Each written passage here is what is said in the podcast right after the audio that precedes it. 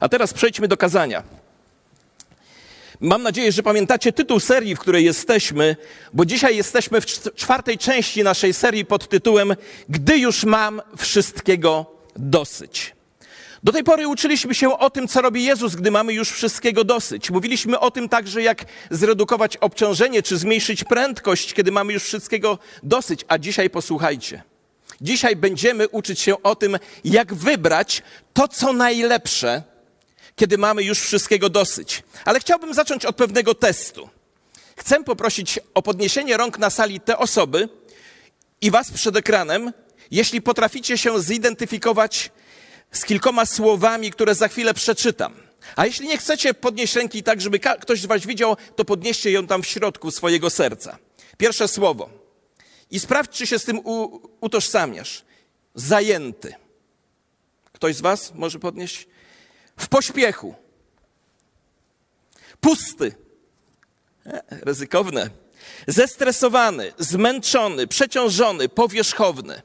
Ja nie chcę, aby ktoś czuł się z Was odosobniony, bo wielu z nas, jeśli nie chce nawet przyznać tego publicznie, to utożsamia się z tymi określeniami.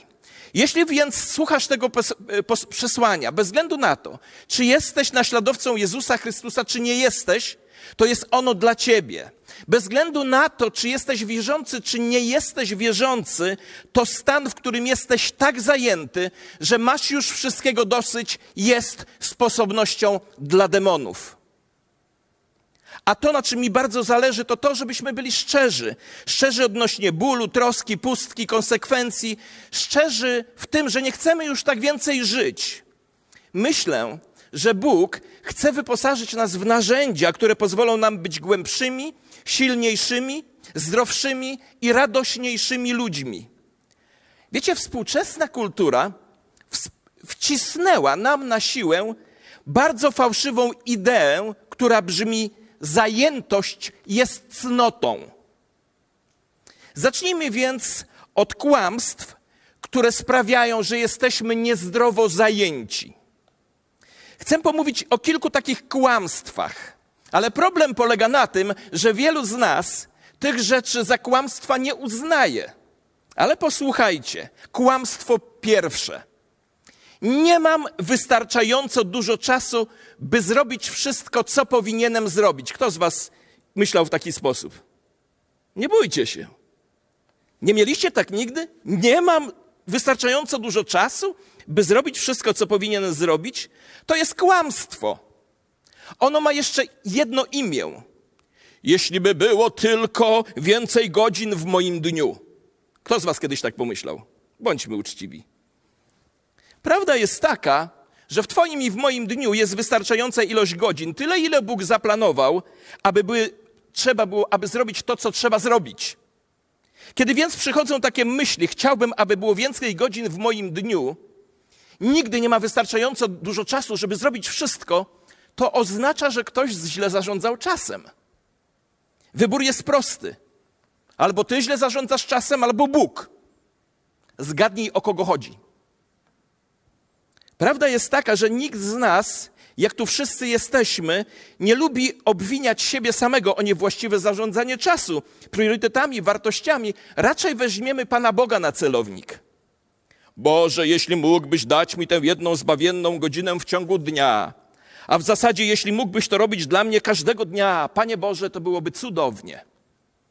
Kiedy tak rozmyślasz, że jest jeszcze tyle do zrobienia, to jest kłamstwo, które karmi nasze bycie zajętymi i prowadzi nas to do stanu, w którym nawet żyć się nam odechciewa. Kłamstwo pierwsze więc brzmi: Nie mam wystarczająco dużo czasu, by zrobić wszystko, co powinienem zrobić. A kłamstwo drugie, posłuchajcie, czas, przez który obecnie przechodzę, jest po prostu tak bardzo napięty. Kto z Was używał takich argumentów? Wiecie, to jest moje ulubione kłamstwo, w które wierzyłem. To jest kłamstwo, które często używałem w stosunku do najbliższych. Kochani, to jest tak napięty czas, ale kiedy on się skończy, to wrócimy do naszego życia tak, jak było na początku. Wiecie, to jest straszliwe kłamstwo, bo bycie zajętym nie jest kwestią sezonu. To nie sezon jest zajęty, ale zajęta jest osoba. Wielu z nas jest uzależnionych od bycia zajętym, ale nie chcemy się do tego przyznać. Kłamstwo pierwsze więc brzmi: Nie mam wystarczająco dużo czasu, by zrobić wszystko, co powinienem zrobić. Kłamstwo drugie: Czas, przez który przechodzę, jest po prostu napięty. A teraz posłuchajcie kłamstwa trzeciego. Kłamstwo trzecie brzmi: To jest naprawdę ważne. To zadanie, ta osoba, ta okazja, to spotkanie. Prawda jest taka, że nie tylko to, co my uważamy, że jest dla nas bardzo ważne, kieruje nami ale kieruje nami także to, co inni ludzie z naszego otoczenia chcą, byśmy my uważali za ważne. I oto w ten sposób to, czym się zajmują inni, ich nagłe potrzeby, stają się naszymi nagłymi wypadkami. Ich problemy stają się naszymi problemami i dostają się na naszą listę zadań do wykonania i do naszego kalendarza. A co się dzieje w naszym życiu, kiedy idziemy przez nie, myśląc, że wszystko jest naprawdę ważne. Co się dzieje? Odpowiedź jest prosta. Starasz się, stajesz się bardzo zajętą osobą. Zajętą tak, że w pewnym momencie masz, masz już wszystkiego dosyć. Kiedy jesteś zbyt zajęty, zbyt zajęta i masz już wszystkiego dosyć, to nie masz właściwej orientacji, nie masz mądrości, nie masz właściwego rozeznania, aby podjąć właściwe decyzje w stosunku do tego, co jest naprawdę ważne w życiu. Kiedy już wszystko wydaje się Tobie naprawdę ważne, to jest to dowód, że albo jesteś, albo za chwilę będziesz w takim punkcie, w którym będziesz miał już wszystkiego dosyć. Jeśli zadałbym Tobie pytanie, jakie są Twoje największe wartości i sobie takie pytanie zadał, to jaka by była Twoja czy moja odpowiedź? Jako wierzący byśmy powiedzieli tak: na pierwszym miejscu umieszczam Boga, na drugim rodzinę, na trzecim karierę zawodową albo szkołę. To by były nasze wartości. Ale często podejmujemy wybory, które nie potwierdzają tych wartości. Wywyższamy wówczas rzeczy, które nie są naprawdę tak ważne i umniejszamy rzeczy, które są naprawdę, naprawdę ważne. Kłamstwo pierwsze więc brzmi: Nie mam wystarczająco dużo czasu, by zrobić wszystko, co powinienem zrobić. Kłamstwo drugie: Czas, przez który obecnie przechodzę, jest po prostu napięty. A kłamstwo trzeci, trzecie to jest naprawdę ważne. A kłamstwo czwarte, posłuchajcie, to jest kłamstwo, w której ja wpuściłem się bardzo. To kłamstwo brzmi: zajęty jest lepszy. Zajęty jest lepszy. I wielu z nas pomnaża te kłamstwo. Kiedy kogoś pozdrawiasz, mówisz: Jak się masz? Zajęty, co? Bo ja też zajęty. Macie tak? Kto z Was tak miał? Że ktoś z Was witał i mówił takie słowa. Ale chcę ci, i wtedy w taki oto sposób zajętość staje się niesamowitą wartością. A chcę ci powiedzieć, zajęty nie oznacza lepszy. Jeśli wybierzemy to, co lepsze, to będziemy lepsi. Zajęty nie oznacza lepszy. Jeśli zdecydujesz się być lepszy, to wtedy będziesz lepszy. Wiecie, jestem pastorem 30 lat i widzę, że często ludzie, którzy są tak bardzo zajęci, są bardzo załamanymi ludźmi. Są załamani emocjonalnie, duchowo, relacyjnie. A powodem, dla którego są zajęci, to jest to, że przez zajętość próbują naprawić to, w czym są załamani i słabi. Ja wiem, że ja mówię bolesne rzeczy, ale mówię je ku uzdrowieniu. Bycie aktywnym dla takich ludzi ma za zadanie wyciągnąć ich z tego załamania.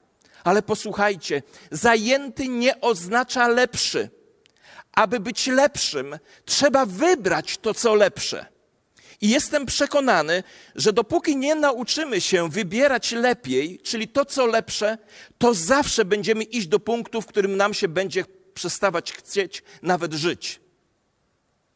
Jeśli nie nauczymy się wybierać to, co lepsze, to, co właściwe, to zawsze będziemy chybiali celu, a definicja grzechu jest zaczerpnięta z łucznictwa i znaczy nie trafić do celu. Grzech to znaczy nie trafić do celu. Chcę teraz nam wszystkim pokazać przykład tego, o czym mówię w Bożym Słowie. W Ewangelii Łukasza znajdujemy rozmowę z dwoma kobietami. Jedna z nich wybrała to, co lepsze, a druga z nich wybrała być zajętą. To zaledwie pięć krótkich wersetów, ale mają one niesamowitą głębię. Posłuchajcie. A gdy szli Jezus z uczniami, wstąpił do pewnej wioski, a pewna niewiasta imieniem Marta przyjęła go do domu. Ta miała siostrę, a na imię jej było Maria, która usiadłszy u nóg Pana słuchała jego słowa. Marta zaś krzątała się. Zapamiętajcie to słowo, krzątała się, lub inny przykład mówi, była roztargniona koło różnej posługi. A przystąpiwszy rzekła, panie, czy nie dbasz o to, że siostra moja pozostawiła mnie samą, abym pełniła posługi? Powiedz jej więc, abym mi pomogła. A odpowiadając, rzekł jej pan, Marto, Marto, troszczy się i kłopoczesz o wiele rzeczy. Niewiele zaś potrzeba, bo tylko jednego. Maria bowiem dobrą cząstkę wybrała. Zapamiętajcie, Maria bowiem dobrą cząstkę wybrała, która nie będzie jej odjęta. Maria wybrała to, co lepsze. Jezus przychodzi do domu tych kobiet z dwunastoma uczniami. W tamtych czasach, jeśli wchodziłeś do jakiegoś domu, to zaraz ktoś tobie umywał nogi, podawał tobie jedzenie. Czytając ten tekst, mamy wrażenie, że Marta nie, była, nie tylko była gościnna, ale ona była, można by tak powiedzieć, jeśli można być w ogóle, taka super gościnna, bardzo gościnna. Kiedy ona to wszystko robi, to zaczyna być roztargniona z powodu bycia ciągle zajętą. A jej siostra w tym czasie przyjmuje zupełnie inną postawę. Jest powiedziane, że ona w tym czasie cieszyła się obecnością Jezusa, siedzi tuż przy jego stopach i korzysta z każdej okazji, by być z Jezusem. A efekt tej sceny jest taki, że Maria wybrała to, co lepsze. Maria wybrała lepiej. Jedna wybrała być zajętą, druga wybrała być lepszą. To nie jest kazanie o usprawiedliwieniu lenistwa, bo lenistwo jest grzechem. A ja po pierwsze, używając tej historii, chciałbym pokazać nam pewien wzór bycia zajętym, po to byśmy rozpoznali te kłamstwa, o których mówiłem. Po drugie, chciałbym nas zapoznać dzięki tej historii z takim modelem bycia zajętym, a po trzecie, chciałbym pokazać pewne rozwiązania, które przynoszą ulgę do naszego życia. Posłuchajcie, oto model bycia zajętym. Zaczyna się od dobrych intencji. Marta nie była zła. Marta była gościnna, ona miała bardzo dobre serce, ona otworzyła swój dom dla Jezusa. Wielu z nas tak zaczyna. Zaczynamy od dobrych intencji. Miałeś dobre zamiary względem dzieci, względem swojej kariery, względem służby, usługiwania. Miałeś dobre zamiary, jeśli chodzi o utrzymanie rodziny.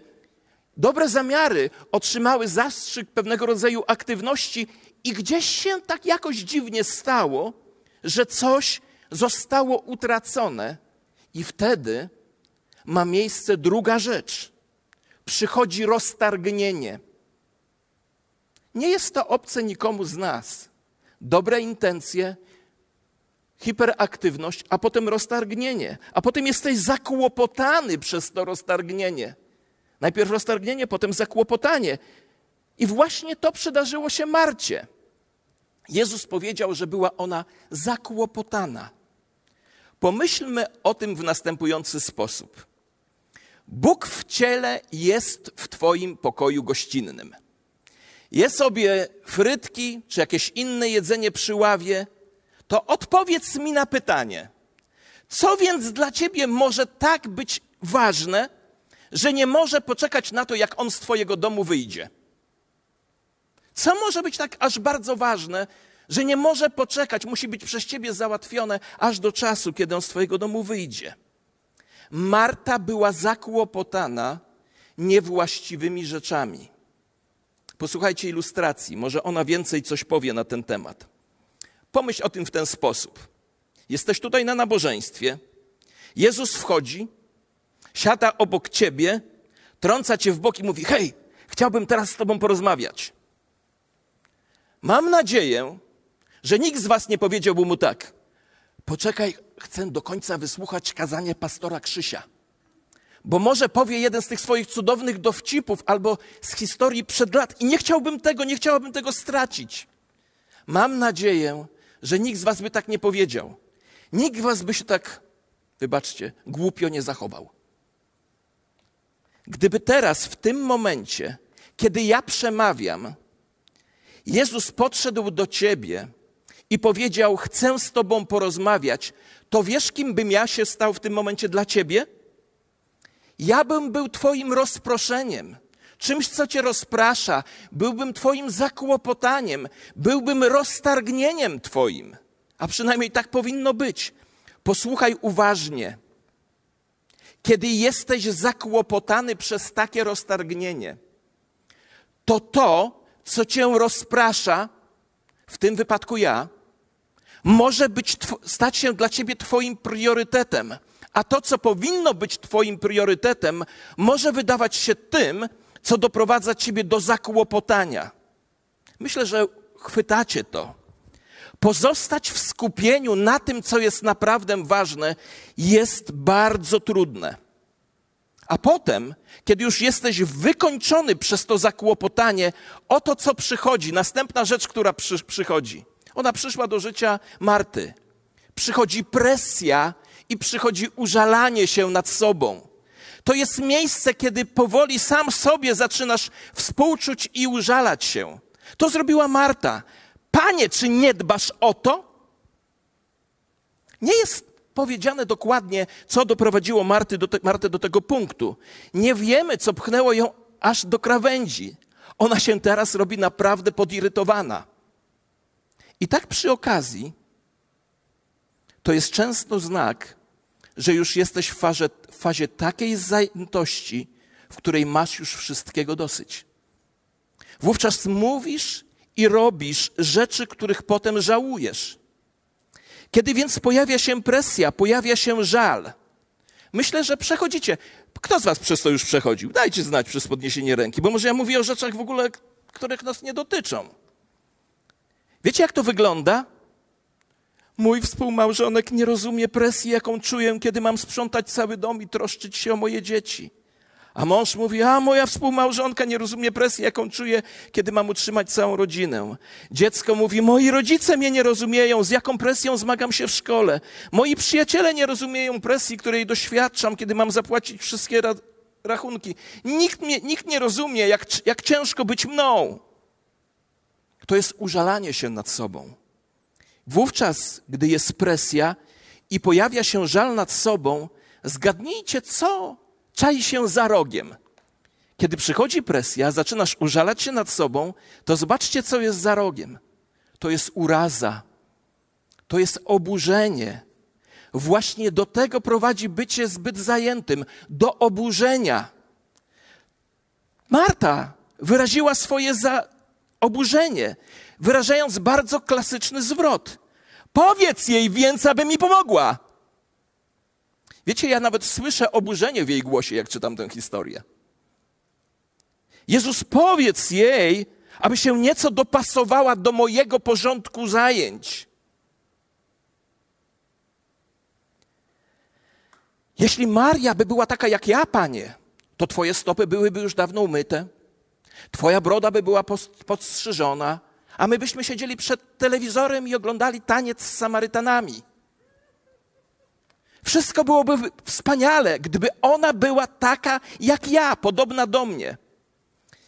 Oburzenie jest odznaką bycia tak bardzo zajętym, że masz już wszystkiego dosyć. Jak można więc podsumować ten tekst, tę historię? Wiecie jak? Możecie się z tym nie zgodzić, ale ja podsumowuję to takim stwierdzeniem. Zajęty nie, nie oznacza lepszy. Chcesz być lepszy? musisz wybierać to, co lepsze. Jeśli ty i ja będziemy umieli wybierać to, co lepsze, po pierwsze, będziemy w stanie rozpoznać te wszystkie kłamstwa, którymi się posługujemy, by usprawiedliwić naszą zbytnią zajętość. Po drugie, będziemy w stanie rozpoznać model zajętości w naszym własnym życiu. I po trzecie, będziemy mieć czas nad rozmyślaniem, co to naprawdę znaczy wybrać to, co lepsze. Posłuchajcie, kiedy Marta się krzątała, Maria adorowała, wybrała to, co lepsze. Kiedy Marta była rozproszona, Maria była skupiona, wybrała to, co lepsze. Kiedy Marta czuła presję, Maria czuła pokój, ponieważ wybrała to, co lepsze. Kiedy Marta wypełniła się oburzeniem, Maria wypełniała się radością, ponieważ wybrała to, co lepsze. To jest bardzo interesujące. Ale gdybyśmy wszyscy przyjrzeli się bliżej postaci Marii, to byśmy dostrzegli ją w trzech różnych sytuacjach opisanych w Biblii. Ta Maria ukazuje nam trzy, się trzy razy i wiecie, w każdym z tych przypadków przebywa u stóp Jezusa. W każdym. W rozdziale 10, który teraz czytałem, znajdujemy ją u stóp Jezusa. W rozdziale 11 jest zasmucona z powodu utraty brata i znów jest u stóp Jezusa. W rozdziale 12 jeszcze raz widzimy ją u stóp Jezusa, kiedy przynosi drogocenne perfumy i namaszcza, wylewa je na nogi Jezusa jako akt uwielbienia. Ona jest u stóp Jezusa. Maria zrobiła to, co właściwe. I to mówi mi, że jeśli mam dokonywać właściwych wyborów, to, powinien mieć, to powinienem chcieć mieć takie serce, jakie miała Maria. Jeśli chcę dokonywać wyborów właściwych, to powinienem mieć serce, jakie miała Maria. I wiecie, my wiemy to intuicyjnie. Możesz żyć w świecie Marty, możesz mieć nawet osobowość taki, taka, tak, ta, taką co Marta, ale w swoim sercu chcesz tego, co miała Maria. Instynktownie chcesz, by Twoja dusza była blisko Jezusa.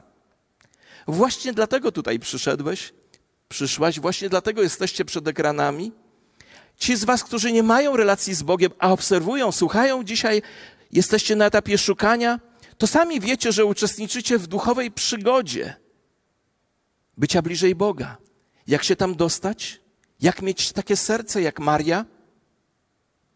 Co więc zrobić, aby zająć się byciem zajętym i stanem, w którym mamy już wszystkiego dosyć?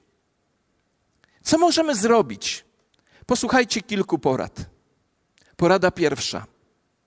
Wyznaj kłamstwa, którymi usprawiedliwiasz swoje zajęcie. Wyznaj je po imieniu. Kiedy zaczynasz myśleć, nie, nie mam wystarczająco dużo czasu, by zrobić wszystko. Chciałbym mieć nieco więcej godzin w moim dniu, to zatrzymaj się, bo to jest kłamstwo. Kiedy jesteś kuszony, by mówić, obecnie to po prostu zajęty okres, rozpoznaj to i wyznaj jako kłamstwo. Wiecie, jak ja się oszukiwałem? Mówiłem do żony albo do przyjaciół tak, teraz jest początek sezonu, wrzesień, to on jest taki za sezon zajęty. Ale wiecie, po sezonie początkowym jest sezon Świąt Narodzenia Pańskiego. I to jest strasznie zajęty sezon. A po sezonie Świąt Narodzenia Pańskiego jest sezon noworoczny. Wchodzimy w nowy sezon, więc nowy, w nowy rok, więc musimy przygotować się, więc to jest zajęty sezon. Potem jest zimowisko, to jest zajęty sezon. A po zimowisku wiecie co jest?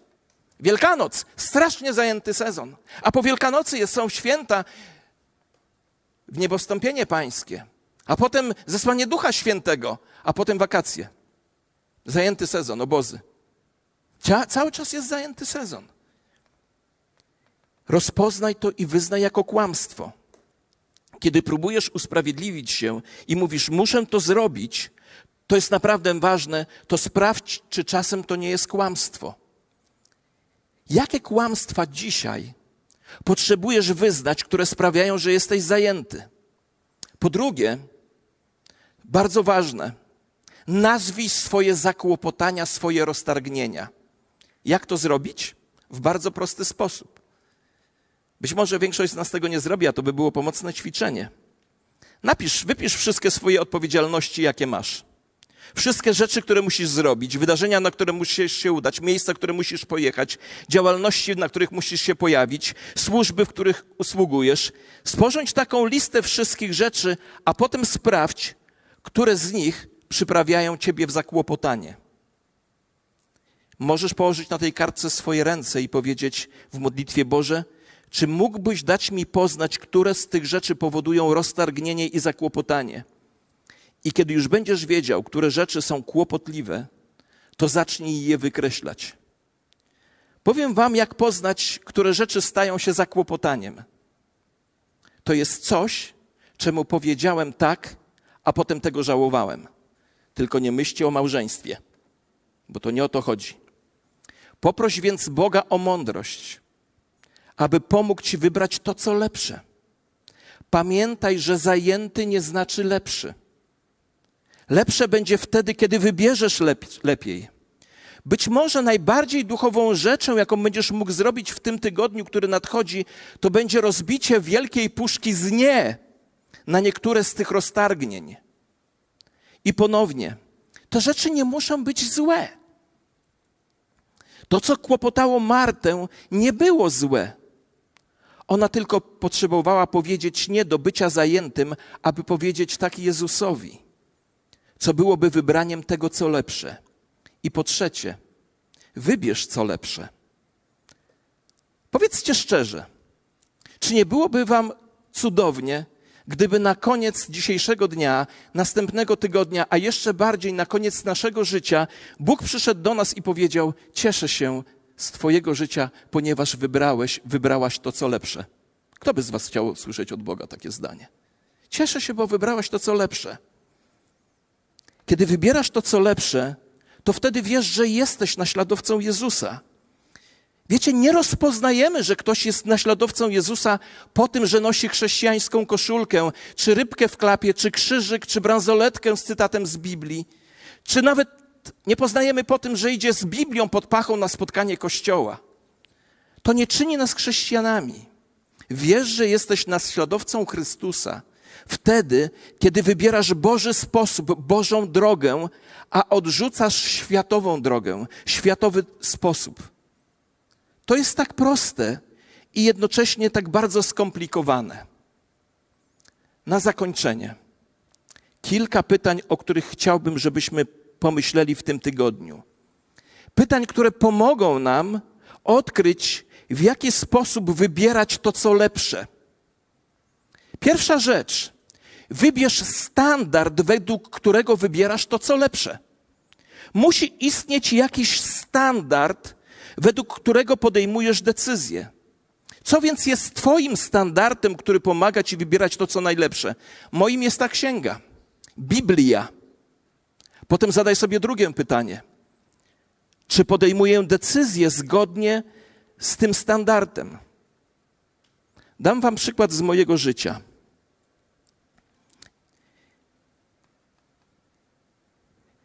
Nie będzie to może dla mnie łatwe, ale chcę Wam opowiedzieć dwie historie. Pierwsza historia jest związana z moim synem. On nie lubi, jak opowiadam historie z nim związane, ale to było wiele, wiele lat temu. Niektórzy z Was pamiętają misjonarza z Kanady Billa Finemora. Organizował takie spływy kajakowe, spływy kanu dla ojców z dziećmi. I powiedział mi, żebym ja też się tam udał. Pojechałem tam z ogromnym wyrzutem sumienia, bo przecież powinienem być zajęty, a nie z dzieckiem jechać kanu. Więc kiedy już z synem płynęliśmy we dwóch i był to mój czas dla niego, to wiecie, co ja robiłem? Co chwilę odbierałem telefony. On coś do mnie mówi, ja mówię, przestań, bo tu ktoś do mnie dzwoni. Odbierałem telefony, rozmawiałem z ludźmi. Gdy ktoś do mnie dzwonił, to mówiłem, nie wiosłuj, nie, włos, nie wiosłuj, bo nie chciałem, żeby ktoś usłyszał i zapytał mnie, a co robisz? Bo przecież ja muszę być zajęty, bo zajęty jest lepszy. I w pewnym momencie, już po któryś, któryś raz z kolei, mój syn przestał się do mnie odzywać. I gdy wieczorem przy ognisku, tu pastor Grzegorz może pamiętać, zapytano naszych synów, jak to być dzieckiem pastora, mój syn powiedział jedno zdanie: jest beznadziejnie. A ja mu to fundowałem przez kilkanaście jego najwcześniejszych lat. Fundowałem mu to w domu, kiedy ze mną rozmawiała, ktoś zadzwonił. To nie jest pretensja do tych, którzy dzwonią. To jest pretensja do tego, który odbiera ponieważ wybrał być zajętym od bycia lepszym. A potem stało się tak, że nawet nie chciał uczestniczyć w życiu kościoła, w spotkaniach, w nabożeństwach, w spotkaniach młodzieżowych. A ja popadłem wtedy tak jak Marta, w rozgoryczenie, w roztargnienie, w złość. Jak myślicie, do kogo miałem pretensje o taki stan? Czy ktoś zgadnie? Do kogo miałem pretensje? Bo na pewno nie do żony i do mojej córki. Wiecie do kogo najpierw? Najpierw była faza Boże, no zadziałaj. Potem taka, wiecie, chrześcijańska wymówka. Ja jestem tak mocno w służbie i diabeł mnie atakuje. Straszna wymówka chrześcijańska na usprawiedliwienie złych wyborów. A potem zacząłem mieć pretensje, wiecie do kogo? Ciekaw jestem, czy zgadniecie.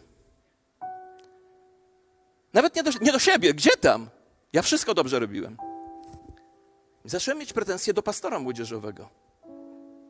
Przecież to on powinien się zająć duchową edukacją mojego dziecka. To on powinien. 15 lat pracowałem nad tym, wybierając być zajętym, a nie wybierając to, co lepsze, i zacząłem wierzyć, że oto mój pastor młodzieżowy za, za pomocą jednego spotkania, jednego telefonu wyprostuje mój 15-letni błąd, do którego nie chciałem się przyznać. Aż przyszedł moment, kiedy zrozumiałem, że nie, nie mogę oczekiwać cudu, który miał się stać przez moje ręce i przez moje serce, oczekiwać, że on się stanie przez i czyjeś serce, i czyjeś ręce. Bycie zajętym w tym przypadku nie znaczyło bycie lepszym. To, co powinno być moim w tym momencie priorytetem, stało się moim roztargnieniem, a to, co powinno być moim roztargnieniem, co mnie rozpraszało, stało się moim priorytetem. Myślę, że czujecie, rodzice drodzy, co, co mówię. Tak się stało w moim życiu. I do kogo miałem pretensje? Nie! Jeszcze wierzyłem w ten durny cud, że się stanie coś, jak on się znajdzie, jak się ktoś nim inny zajmie. Trzeba było wyznać swój grzech, powiedzieć: Przepraszam. I te piętnastoletnie zaniedbanie odkręcać nie przez jedną chwilę. To była to pierwsza moja historia. Jestem Bogu wdzięczny za, za pastora Damiana Szafranka, za Tomka Biadonia, którzy dzwonili do mojego syna, bombardowali go, spędzali z nim czas, aż któregoś dnia Tomek Biadoń ochrzcił go w sadzawce gdzieś pod Warszawą. Zajęty nie znaczy lepszy. Druga historia.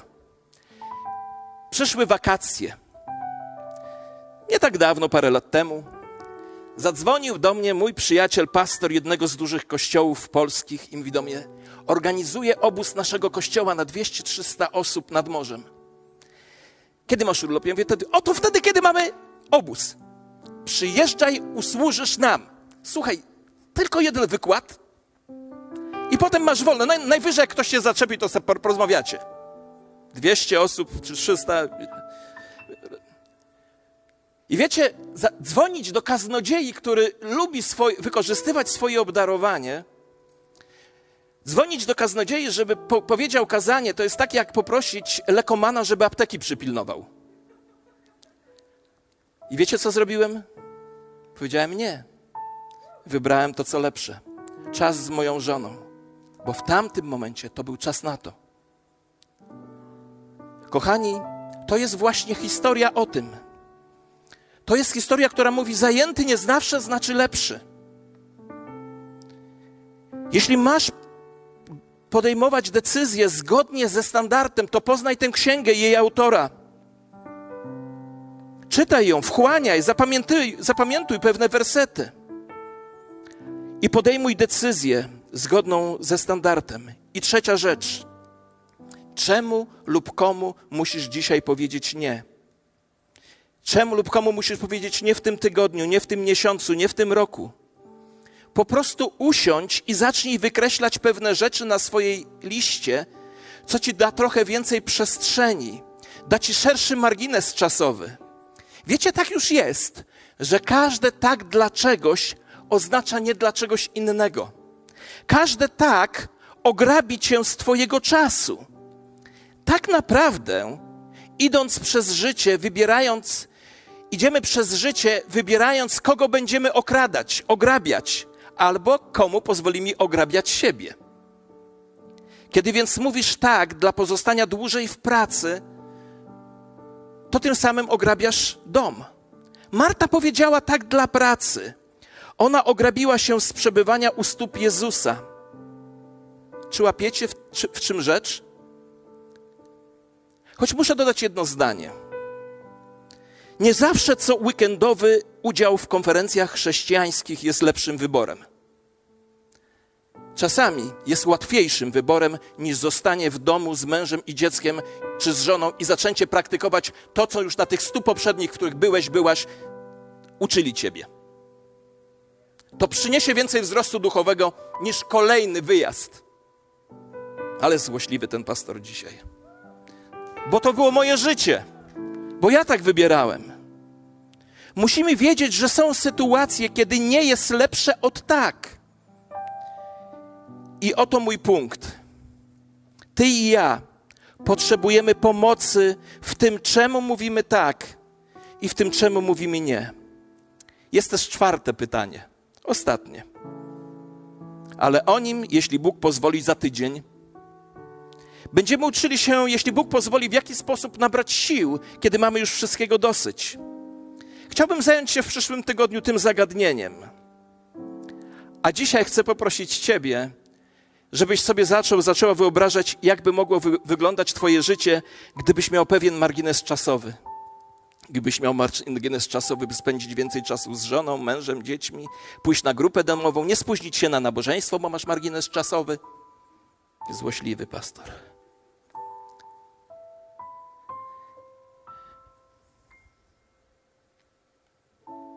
To trudny temat, ale niezmiernie ważny. To jest bardzo ważny temat. Czy więc dzisiaj dostrzegasz siebie podejmującego odważne decyzje, gdzie w tym tygodniu niektórym sprawom będziesz mówił, mówiła nie, a niektórym tak? Ja, często jako osoba, która chce zadowalać wszystkich, mam tendencję do mówienia tak na rzeczy, o których, które powinienem odmawiać. Ale teraz chcę wybierać to, co lepsze od tego, niż być zajętym. A kiedy będziesz robił, robiła to konsekwentnie, to tak się stanie. Zmniejszy się Twoje tempo życia, Twój kalendarz przerzedzi się, zniknie bycie zajętym i będziesz szedł, szła przez życie pełną piersią. A kiedy idziesz całą pełnią, to pełnia Chrystusa, która jest w Tobie, zaczyna przelewać się na innych ludziach, bo przecież o to chodzi. Twoje serce jest pełne, Twoje serce jest wypełnione Bogiem. Czy możesz to zobaczyć? Czy możesz zobaczyć serce wypełnione tym, co pragnie dla ciebie Bóg? A przecież pełne serce jest tym, czego ty pragniesz. Jak to mogę wiedzieć dla siebie? Jak mogę do tego dotrzeć? Tak jak mówiliśmy dzisiaj. Tak jak o tym mówiliśmy. Mogę to zobaczyć. Jak mogę doświadczyć pełni życia, gdy zacznę po brzemu, według Bożych standardów, wybierać to, co lepsze, od zwykłego bycia zajętym. Poprosiłem dzisiaj Ewę i Michała, żeby przygotowali specjalną pieśń na zakończenie tego nabożeństwa. To jest pieśń, która została napisana przez człowieka, który mieszka, mieszkał w Chicago wiele lat temu. I wtedy wybuchł wielki pożar w Chicago i on wysłał swoją żonę i swoje dzieci statkiem do Anglii, a sam został, żeby uporządkować sprawy, które tam zostały. I jego żona płynąc z dziećmi statkiem do Anglii, statek uderzył w drugi statek, był wypadek, wszystkie jego dzieci, czwórka, utonęła. I żona, gdy dopłynęła, już została uratowana, dopłynęła do Anglii, napisała mu list. Był wypadek, nasze dzieci zginęły. On wsiadł na następny statek, płynął do Anglii i poprosił kapitana tego statku. Powiedział: Gdy będziemy przepływać koło tego miejsca, gdzie był ten wypadek, proszę obudź mnie. Chcę mieć taki swój czas. I wiecie, kapitan go obudził. On wyszedł na pokład, zaczął modlić się. Duch Boży przyszedł na niego i napisał pieśń, która będzie pieśnią końcową dzisiejszego nabożeństwa. Stary hymn sprzed ponad stu lat. Chciałbym, żebyście go zaśpiewali. Powstańmy, proszę. Myśląc o tym, o tych właściwych wyborach, żebyśmy zobaczyli, jakie efekty w trudnych sytuacjach życiowych przynosi taki właściwy wybór. Wybór bycia lepszym niż bycie niezdrowo zajętym.